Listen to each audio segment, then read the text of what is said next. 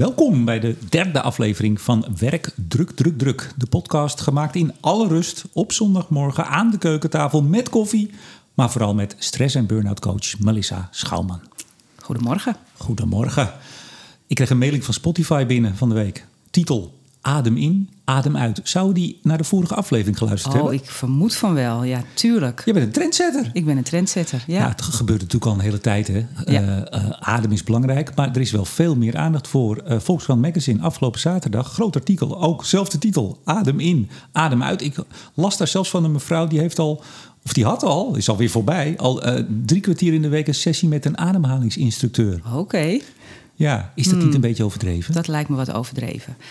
Ja, de neiging eh, bestaat soms om dingen die heel eh, eh, bazaal zijn, om die erg groot te maken.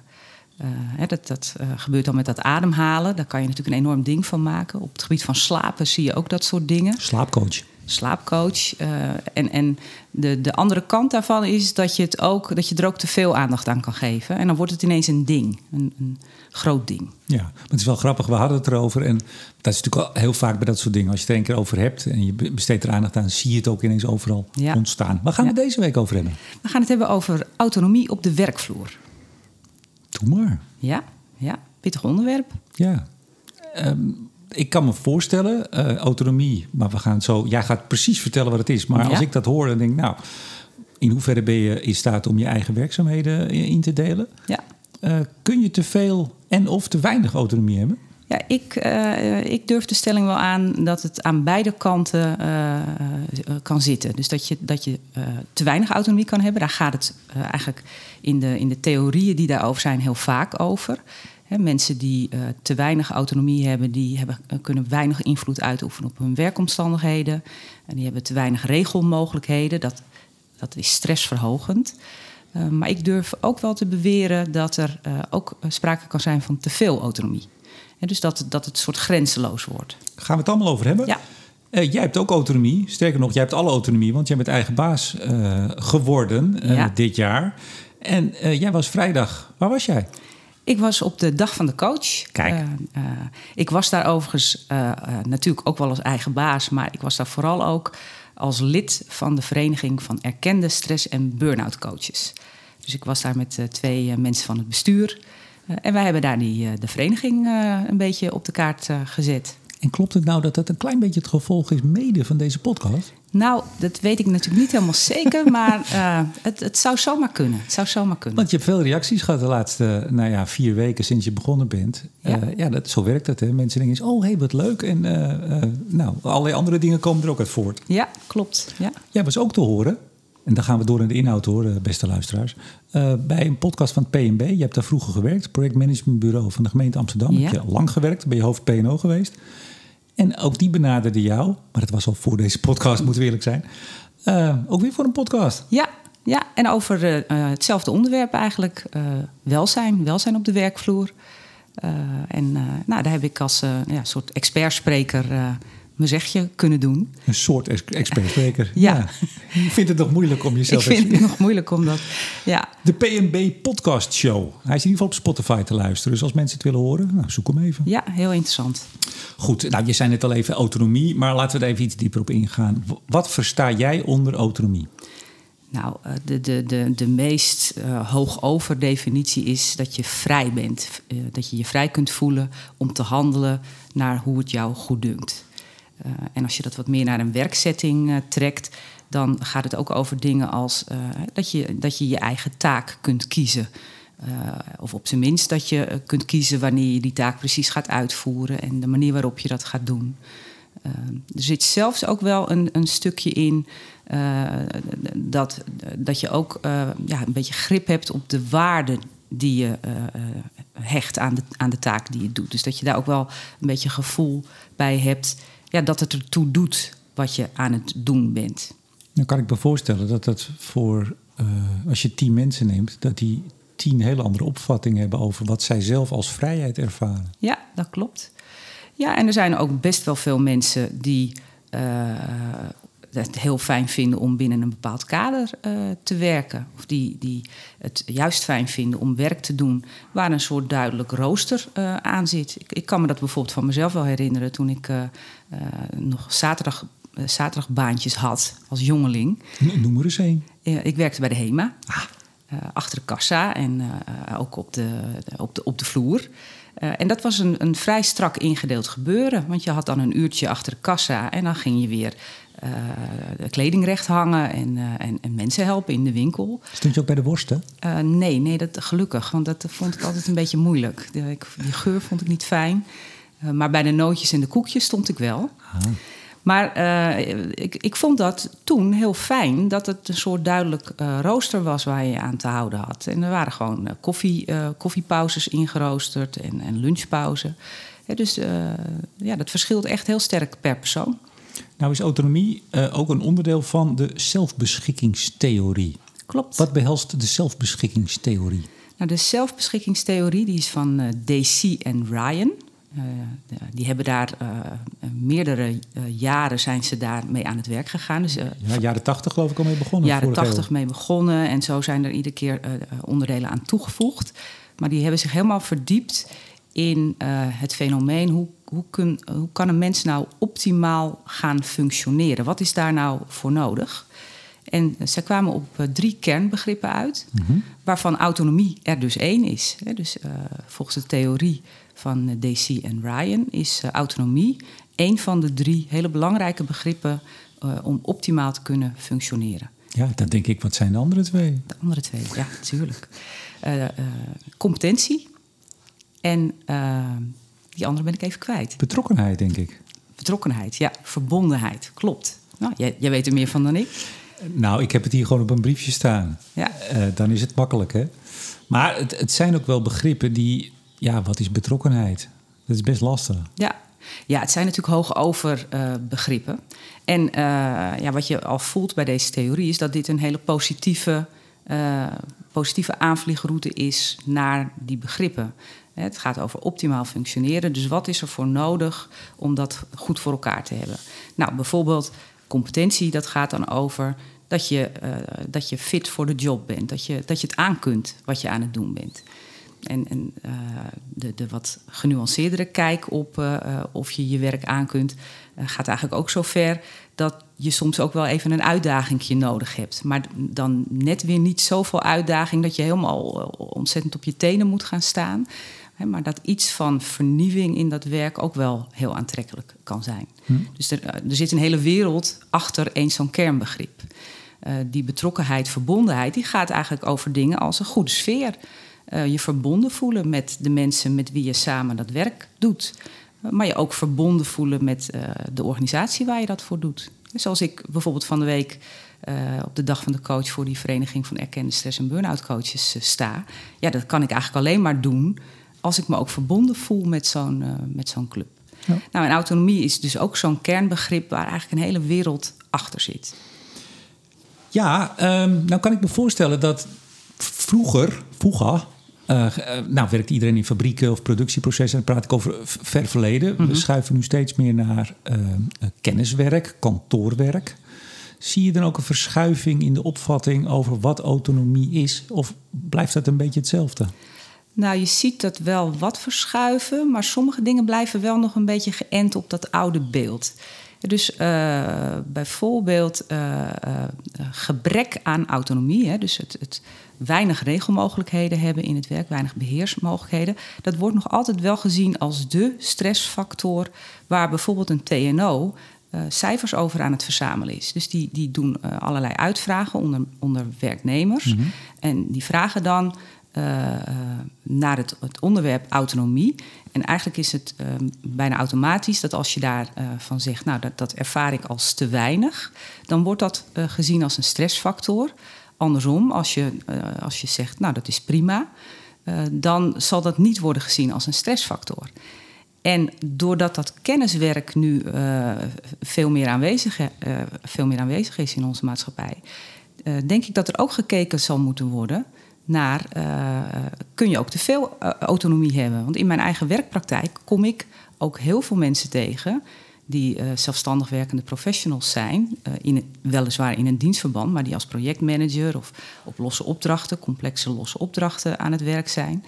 En die hebben juist veel stress doordat zij heel veel autonomie ervaren en dat eigenlijk opvatten als ja, ik, ik word eigenlijk geacht het allemaal maar zelf uit te zoeken. Ja, dus als jou gevraagd wordt, eh, heb jij genoeg vrijheid, et cetera, zeggen mensen ja. En dan denkt de onderzoeker al snel, nou mooi, dat is dus goed. Ja. Terwijl je moet dan een laagje dieper. Je moet doorvragen, maar heb je, ik zou zeggen, heb je daar ook stress van? Ja. Heb je niet te veel vrijheid? Ja. We gaan het zo hebben. Ja, sorry. Ja, ik, ik, ik, moest ook ineens denken aan een toevoeging die uh, een van die onderzoekers waar we het net over hadden, die DC en Ryan. Uh, die DC heeft later uh, aan de definitie over autonomie nog iets toegevoegd. En, en, en, dat doet er eigenlijk wel toe.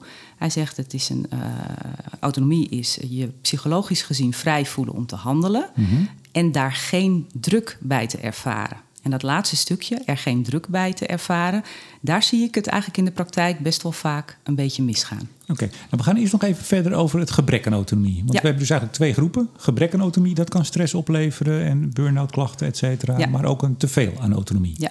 Eerst even het uh, gebrek. En um, je hebt het volgens mij vast ook gelezen, maar er was een nieuwsbericht deze week van meneer Elon Musk. Ja, Althans, zeker. die had een, een berichtje gestuurd aan zijn medewerkers. Elon Musk, Tesla uiteraard en ook nog uh, SpaceX, uh, rijkste man op aarde. Waarom ik dat er altijd bij zeg, weet ik eigenlijk niet, maar het is wel het is waar. Toch interessant. Hij is ja. er ver mee gekomen met zijn aanpak, want zijn aanpak nu is ook best wel anders dan bij de meeste bedrijven. Ja. Hij heeft gezegd, uh, nou, dat corona, oké, okay, dat hebben we allemaal gehad, dat thuiswerken. iedereen, en het gaat over staf, uh, moet weer minimaal 40 uur op kantoor komen zitten. Ja. Wat je daarbuiten doet, nou, dat mag je dan thuis doen. Minimaal 40 uur. Uh, kom je niet, dan ga ik ervan uit dat je ontslag hebt genomen. Ja, ja pittig, en, en klaar. Uh, een pittig ding. Een, Is dit een voorbeeldje van te weinig autonomie? Ja, dat zou je wel zeggen. Uh, het wordt ook gezien als een oekase die hij heeft uitgevaardigd. Hè? Dus echt, uh, hij heeft daar best wel wat uh, stof mee doen opwaaien. Mm -hmm. Dus wordt hevig over gediscussieerd van ja... gooit de man niet zijn eigen glazen in? Want dit is toch het recept om, om je, je talenten, je organisatie uit te jagen. maar, maar wat, wat, denk jij? Wat, dat, bedoel, kijk, daarom is toch die toevoeging rijkste man op aarde... met enorm succesvolle bedrijven... Uh, is hem gelukt. Hij heeft op meerdere vlakken een onorthodoxe aanpak. Ja. Wat denk jij, is hij zo slim dat hij weet dat de echt goeie toch al lang weer op kantoor zitten? Of, of, ja, of is het een hele domme actie van hem? Ja, ik, ik, het puzzelt me wel. Ik, ik, denk aan de ene kant kan hij het zich nog wel permitteren om dit te roepen. Ik denk dat niet iedere uh, werkgever uh, hetzelfde kan doen. Hè, maar Tesla, de naam is natuurlijk zo groot en wat hij neerzet in de wereld, uh, ja, dat, dat maakt zoveel indruk dat er altijd mensen zullen zijn die daar willen werken. Het, het zegt wel iets over zijn manier van kijken naar wat is nou optimaal functioneren. Optimaal functioneren vindt hij dus echt ter plekke zijn. Dat heeft hij zelf ook veel gedaan. Hè. Hij, er zijn ook verhalen bekend dat hij ook overnachtingen deed op, op nou, de... Hij heeft twee, drie jaar in de fabriek geslapen Precies. toen het zo slecht ging. Dat de mensen ja. zagen dat hij ook letterlijk ja. leed onder het leed. Ja, dus hij uh, vindt dat echt heel belangrijk. Dat is zijn manier ook om de verbondenheid uh, met, met, met het product mm -hmm. en met alles en iedereen... ja, echt, echt te bevestigen. dus het zegt veel over hoe hij kijkt... Um, ik heb ook begrepen dat hij uh, ook wel wat uh, uh, mensen wil ontslaan. Dat nou, sterker nog, 10%, 10 van de 100.000, 10.000 mensen ja, krijgen ontslag... omdat hij een hele slechte economische situatie ziet en ook verwacht. Ja. Werving is ook gestopt, dus er moeten wat mensen uit. Maar de vraag is dus, gaan de goeie nu weg? Of, ja. dus, of de, sle de, ja, de slechte, ja, de minder goeie. Ja. Ja, dat, dat, dat zal moeten blijken. Uh, maar ik denk dat als hij al, al jarenlang uh, in, in de manier waarop hij dat bedrijf aanstuurt, uh, die, die aanwezigheid als belangrijk ziet, dan zullen de goede mensen de mensen zijn die ook aanwezig zijn. Ja, dat klinkt een beetje plat, maar volgens mij is dat dan wel zo. Het selecteert zichzelf dan ook wel uit. Dus het is een actie om het, ik zeg dit met respect, doorhoud, om het doorhoud uit de organisatie te kappen. Ja. En, en wat ik er ook nog wel bij bedacht, kijk, uh, het gaat natuurlijk om uh, uh, toch om een organisatie waar productie van auto's het allerbelangrijkste is. Dat is hun core business. En dat doe je in een werkplaats, dat doe je echt ter plekke. Dus het, het hoort voor, voor zijn gevoel, en, en ik denk dat hij daar ook wel een punt heeft, hoort ook wel bij de business. Dus hij, hij zal ook uh, ja, PNO'ers daar willen hebben die zich verbonden voelen met die werkplaats en die daar ook echt willen rondlopen. Maar krijg je dat niet ook straks gewoon in Nederland? Jij hebt bij de gemeente Amsterdam gewerkt, maar alle andere luisteraars die bij een, nou, een kantoorfunctie zitten of een kantoorbaan hebben.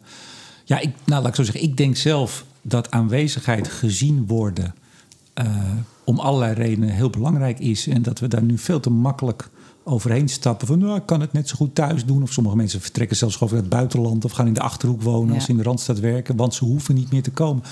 De, de cohesie, nou die verbondenheid, hè, een van die drie pijlers van die zelfbeschikkingstheorie, ja, die staat wel onder druk op een moment dat je alleen maar af en toe via het scherm even iemand ziet. Ja, ja, dus dat is echt zoeken geblazen. Ik, ik, ik geloof inderdaad ook niet in uh, iedereen maar thuis en iedereen op afstand. En uh, uh, dat kantoor, nou, daar, daar, komen we wel eens één keer in de zoveel weken. Daar geloof ik niet in. Maar dat er wel een, een, soort mix voor heel veel mensen heel prettig gaat werken, dat, dat vind ik ook wel. Nou, 40 uur op kantoor en de rest moet je maar uitzoeken. Ja, precies. Nou, als je maar 38 uur werkt, heb je dan meteen de oplossing. hey, jij hebt dagelijks mensen aan je, aan je, aan je tafel. Ja, aan de tafel. Je, niet, je hebt niet een bank hè, waar ze op liggen. Nee, nee, nee. zo ver ga ik nog niet. Nee. Nou, mensen die, nou, die last hebben, die vastlopen, die behoefte hebben aan, aan coaching. Wat is nou een heel concreet klein voorbeeld? Want dit is een beetje extreem misschien van, van Elon Musk. Wat is nou een concreet voorbeeld van een gebrek aan autonomie? Hoe uitzicht dat? Nou, waar, ik het wel tegenkom, zijn mensen die in de serviceverlening zitten. Uh, hè, dus het klassieke beeld is eigenlijk die, uh, uh, iemand die aan een lopende band geen invloed kan uitoefenen op het tempo van die lopende band. Nou, inmiddels is dat soort werk trouwens ook wel veel, veel meer voorzien van allerlei regelmogelijkheden. maar waar je het nu tegen kan komen, uh, serviceverlening. Wat, dus, is serviceverlening? Nou ja, achter een loket, rechtstreeks met, met, uh, met klanten, met burgers. Uh, bij de gemeente dan met burgers. en dat je voortdurend ja, eigenlijk er moet zijn om, om antwoord te geven op allerlei pittige vragen. Mm -hmm. da daar kom ik het wel tegen. Dat mensen dan eigenlijk steeds niet goed weten wat, wat, er, wat er gaat komen.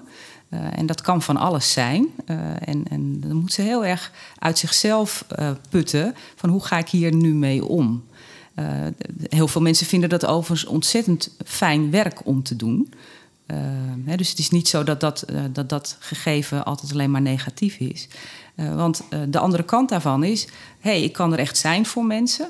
En als, het, als het loket gesloten is, dan is het ook even klaar hiermee. Maar dat is uh, tegenwoordig wel een soort werk waar je, waar je die, dat, uh, ja, soms het gebrek aan autonomie tegenkomt. Ja, overigens, ik heb in mijn studententijd één keer aan een lopende band gestaan. Ik deed heel veel studentenbaantjes, van alles gedaan, verhuizen en, en, en nou, een autoveiling, noem maar op. Ik heb één keer uh, in Delft, waar ik studeerde, aan een lopende band gestaan. Ik werd helemaal gek. Ja? Ik werd echt, ik, ik, ik kreeg, nou misschien kreeg ik daar wel een paniekaanval zweet brak me uit. Ja. Ik bedoel, ik, ik kon geen, geen twee seconden uh, iets anders doen dan het ritme volgen van de pakketjes. Ik weet niet eens meer wat het precies was. Oftewel, ik kan me voorstellen, inderdaad, je zei het al, sommige mensen zijn heel erg gebaat bij structuur en regelmaat en misschien gebrek aan autonomie, zoals ik het zou zeggen. En andere mensen kunnen het totaal niet tegen. Dus het wordt een kwestie van het, het matchen van de persoonlijkheid ja. bij het werk. Ja, precies. Dus het is, het is best een belangrijk gegeven, ook voor mensen zelf, om te weten hoe is dat eigenlijk voor mij? Wat vind ik eigenlijk prettig? Uh, en, en, en, en, in welke werksoort past dat het beste? Of zit ik nu in een werksoort waar ik eigenlijk te veel uh, van iets moet doen, of uh, waar, waar, te veel van iets waar ik toch niet zo makkelijk tegen kan, waar, waar, ik daarmee geconfronteerd word, dat, dat kunnen echt belangrijke stressfactoren zijn. Maar bijvoorbeeld, daar gaat het ook nog wel eens over in, in berichtgeving, dat de baas die stuurt s'avonds nog een mailtje. En dan voelen mensen zich, sommigen, geroepen. Ja, nou moet ik wel antwoorden. Ja. Want hij is we zijn met het project bezig en ja. hij stuurt om tien uur nog een mail. Is dat ook een voorbeeld van, nou ja, misschien niet gebrek aan autonomie? Je, je kan zeggen, nou, morgenochtend is hij de eerste om, uh, om negen uur. Ja. Maar er komt toch een soort druk op misschien. Ja, ja, dat is wat je. Uh, er zit misschien wel iets van uh, autonomie, ja dan nee in, maar ook wel uh, assertiviteit. of wat, wat is de cultuur van een organisatie? Hè? Dan, dan wordt hij eigenlijk nog overstijgender. Hoe is men gewend om met elkaar te werken? Wat is de, de, heersende, de heersende mores? Mhm. En daarin kunnen ook dingen zitten die opjagend zijn. dus als je het gevoel hebt dat je bij een, bij een organisatie werkt waar dat s'avonds doorwerken heel normaal is en in het weekend ook hele pittige mails naar elkaar worden gestuurd. dan zul je eerder het gevoel hebben dat je daarin mee moet gaan om erbij te blijven horen. Ja. Dus dat, dat, zijn allemaal dingen die, die kunnen meespelen in het ervaren van werkdruk. Er zitten nu een paar managers te luisteren die denken: Oeh, ik heb eigenlijk nog nooit op deze manier naar mijn medewerkers en naar onze mores en onze cultuur gekeken. Wat moet je als, als werkgever of als manager doen als het gaat over het gebrek aan autonomie? Uh, nou, je er in ieder geval van bewust zijn. Uh, erover nadenken, hoe is dat eigenlijk? Is iedereen in mijn organisatie wel tevreden met de autonomie die die heeft? Ja, ja, dat is wel prettig. Ja, hoe is dit? Hè? Wat, wat voor werksoort hebben we hier eigenlijk? En, en hoe uh, is dat voor de mensen die hier werken? En de een uh, uh, heeft misschien juist behoorlijk wat vrijheid nodig van handelen, voelt zich daar uh, lang bij. En de ander heeft wat vaker even wat feedback nodig of wat, wat aanwijzingen. hoe is dat? Hoe, hoe doe ik dat ook als manager? Nou, dat lijkt me ook wel moeilijk voor zo'n manager, want die heeft ook gewoon zijn karakter. Ja. Want die moet dus als een soort chameleon, denk ik dan. De ene keer moet hij heel erg uh, steunend en, en eigenlijk ook uh, uh, richtlijnen meegeven. Ja. Of strak zijn voor iemand, die heeft daar behoefte aan. En bij de ander moet hij zeggen, joh Kees, doe lekker je ding, ik zie het wel. Ja. Maar dat lijkt me ook moeilijk voor de manager. Ja, ik moet zeggen dat ik het ook vaak voor de manager opneem. Dat ik vaak zeg, ja, een manager moet tegenwoordig een schaap met wel twintig poten zijn.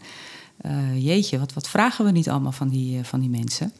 Uh, maar het, het aanvoelen van wat heb ik hier voor vlees in de kuip en hoe ga ik met de een om en hoe ga ik met de ander om, dat is wel vrij cruciaal geworden in het managementvak. Het neemt niet weg dat mensen zelf, medewerkers zelf, allemaal wel hier ook over na moeten denken. Hè? Dus dat, dat het ook verstandig is dat als je aan het werk gaat of aan het werk bent, dat je ook voor jezelf stilstaat bij: hey, wat, wat is voor mij nou een, goede constellatie om uh, in bezig te zijn? En heb ik dat hier? Uh, en, en, zijn er mogelijkheden om dat hier uh, anders nog wat beter voor mezelf te maken? Of is dat gewoon te veel gevraagd? Ja, en als je dus gek wordt van een uurtje aan een lopende band, dan is misschien een carrière in de lopende band niet dan voor jou je, weggelegd. Dan moet je daar niet gaan zitten. Nee, nee. nee. Nou, je hebt ook een andere kant van te, te, weinig autonomie. Dat is te veel autonomie. En jij las een. ja, ik heb het ook gelezen.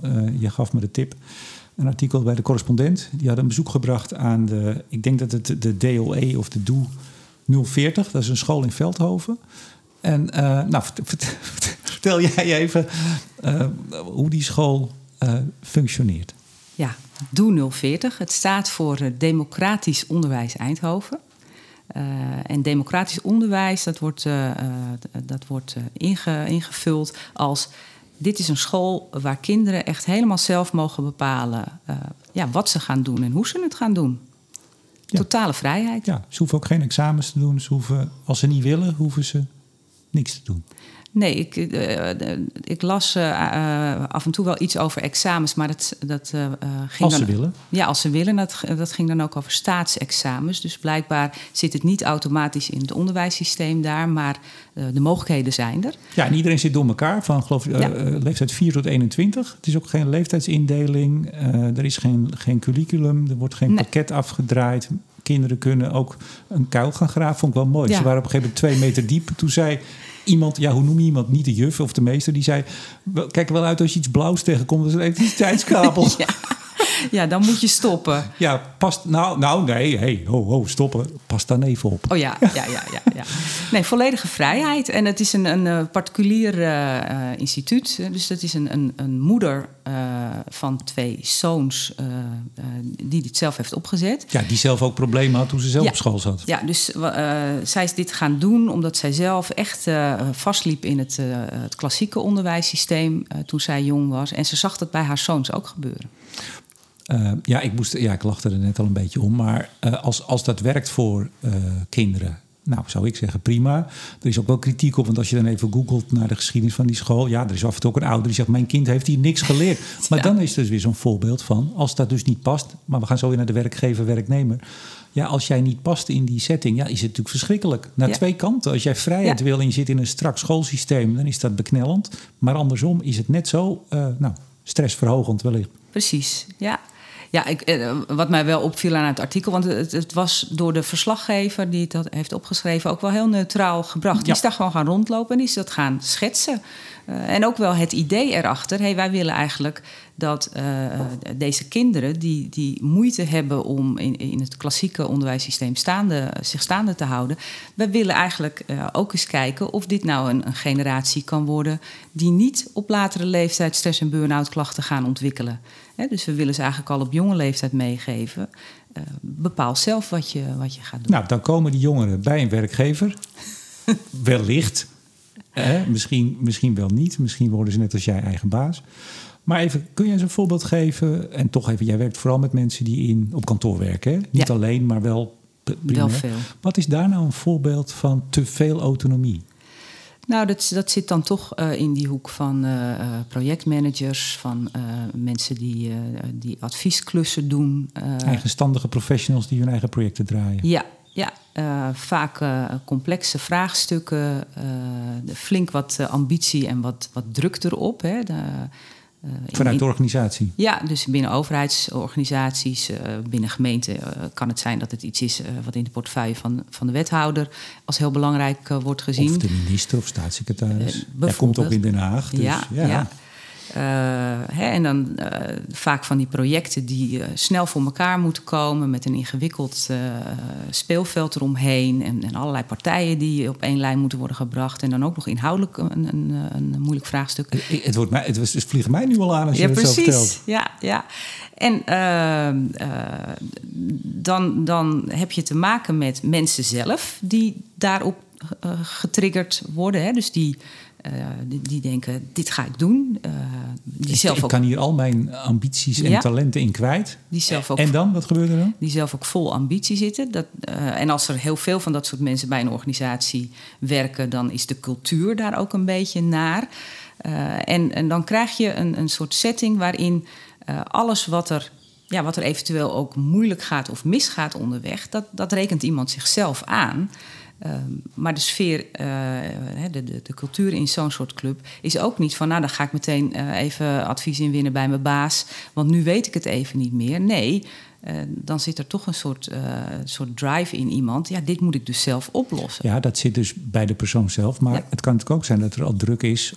niet uitgesproken, maar gevoelde druk. Dat je ook niet bij het management moet aankomen bij het minste Ja. geringste. Want jij bent die grote projectmanager. Ja. Je moet het maar voor elkaar krijgen. Ja. Zoek het uit, Ja, Piet. ja dat, dat, kan ook, eh, dat kan ook de situatie zijn. Dat, dat er ook daadwerkelijk heel weinig beschikbaarheid is van management om eh, even aan te kloppen met je, met je problemen. Dus als zou je eh, in, in een ingewikkelde situatie dat willen doen. En eh, het zou dan misschien zelfs nog zo kunnen zijn dat je ook het gevoel hebt dat het ook wel kan. Maar dan eh, is er misschien eh, ook zo weinig management beschikbaar eh, dat je ze over drie weken terecht kan. En, en daar zie ik wel veel mensen ook vastlopen. Ik zie als oplossing, heb er aandacht voor. Klopt dat? Keukentafeltip, Ja, ja, heb er aandacht voor. die kunnen we bijna op een bandje opnemen en iedere keer kunnen we erop drukken. Heb er aandacht voor. Eh, ja, en, en ook hier heb je natuurlijk verschillende mensen. Want er zijn ook mensen die eh, uitstekend gedijen in zo'n constellatie. En die het inderdaad allemaal zelf oplossen. Die misschien ook eh, buiten een dienstverband als eh zelfstandigen eh, enorm goed zouden gedijen. Kortom, je kunt te weinig autonomie hebben. Dat kan voor sommige mensen heel beknellend zijn en voor anderen weer niet. Je kan te veel autonomie hebben. Dat kan voor sommige mensen heel bevrijdend zijn. Of beknellend en dus stressverhogend. Van beide kanten aandacht voor hebben. Zowel van de manager, werkgever, als van de medewerker. Die moeten elkaar vinden. Ja. Ga in gesprek. Adem in. Adem, Adem uit. uit. Blijft ook altijd eh, van belang. Ik geef toch nog even de tip, want ik noemde hem in het begin de PNB Podcast Show. In ieder geval op Spotify te, te horen. Daar praat jij met de interviewers, dat zijn twee PMB'ers, dat zijn twee projectmanagers, Ja. praat je wat uitgebreider over dit aspect. Ja, Ik vond het heel interessant, want zij schetsen dan ook hoe zij daar als eh, projectmanager mee omgaan. En ook het gevoel hebben van, nou, de een zegt op een gegeven moment, nou, ik stop om, eh, om vijf uur. Ik geloof, zegt hij dan, eh, dat, dat ik van mijn collega's het meest mijn grens weet af te bakenen. ja. Maar misschien toch ook wel weer niet. Nou ja, zo hoorde ik het een beetje. Ik vond het heel interessant, dus luister daarnaar. De PNB Podcast Show. Ehm, nou, we gaan bijna afronden. Eh, ja, over autonomie gesproken. Jij gaat weer heel autonoom. Ga jij in het najaar in België een eh, workshop verzorgen? Ja, ja, ook weer voor de Vereniging eh, van Erkende Stress- en Burn-out De eh, Coaches. VESB. De VESB. Ja, is eh, wel heel leuk dat ze je daarvoor vroegen. ja, zeker. Ja. Dat is hun, hun, hun, eh, jaarlijkse, ja, hun jaarlijks congres. ja, ze hebben een jaarlijkse kennisdag. eh, en die gaat dus over eh, eh, stress- en burn-out coaching. En alles wat daar een beetje omheen zit. En eh, ja, wat ze wel interessant vinden aan wat, wat ik doe... is dat ik me als stress- en burn-out coach... heel erg op organisaties en medewerkers richt. En dat ik daar ook eh, eh, veel eh, werk in doe... wat een beetje raakt aan reïntegratie bij ziekteverzuim. Dus zij, eigenlijk als vereniging zouden zij graag zien, en ik ben daar, ben daar zelf ook heel erg voor, dat eh, werkgevers ook veel meer eh, zelf zouden doen, en, en werknemers ook, eh, aan het voorkomen van stress- en burn-out problemen. Eh, en, en dat als er overspanning of eh, eh, burn-out voorkomt in, eh, in organisaties, eh, dat, dat, dat we er dan ook met z'n allen snel bij zijn om mensen weer op de rit te krijgen. Eh, dus dat vinden ze heel interessant aan mijn verhaal, omdat ik vaak eh, echt binnen organisaties met deze problematiek eh, aan de slag ga. En me dus ook best wel dan een beetje bemoei, bij, eh, eh, bemoei eh, met de terugkeer van mensen naar werk op een, eh, ja, op een rustige, eh, opbouwende manier. Nou, het is pas in het najaar, dus tegen die tijd eh, kun je er nog uitgebreid over vertellen. Misschien kunnen er wel luisteraars naartoe, je weet het niet. Of moeten ze, nee, ze moeten natuurlijk lid van de VSB Nou, zijn. dat eh, was wel grappig. omdat ik ook afgelopen vrijdag met, met de vereniging even in contact was. Toen zei ik ook van, hey, is het nou alleen voor leden of kunnen er ook niet leden naartoe? En dat kan. Alleen die moeten er dan wel voor betalen. Tuurlijk, zo gaat dat. Tot slot, als luisteraars opmerkingen hebben... eh, ik zou bijna zeggen, traditioneel kunnen zij zich melden... eh, via een, een direct message of openbaar eh, via LinkedIn, Twitter. Ja, ja. Nog steeds geen verandering ingekomen. nee, geen verandering gekomen. Goed zo, dan zeg ik graag tot volgende keer. Tot de volgende keer. Zal ik eh volgende keer koekjes meenemen? Oeh, dat vind ik een heel goed plan. Lekker.